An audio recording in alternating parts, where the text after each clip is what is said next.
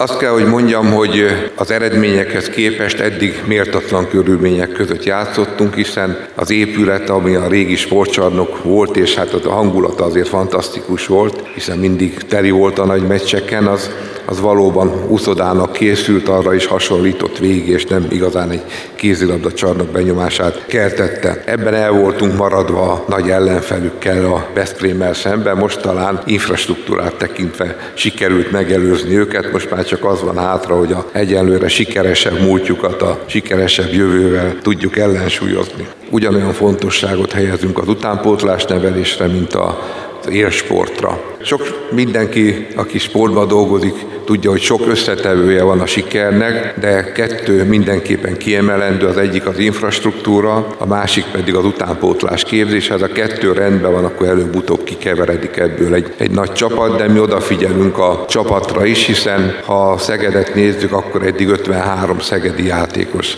játszott már válogatottba, és jelenleg is négy játékost adunk a magyar válogatottnak.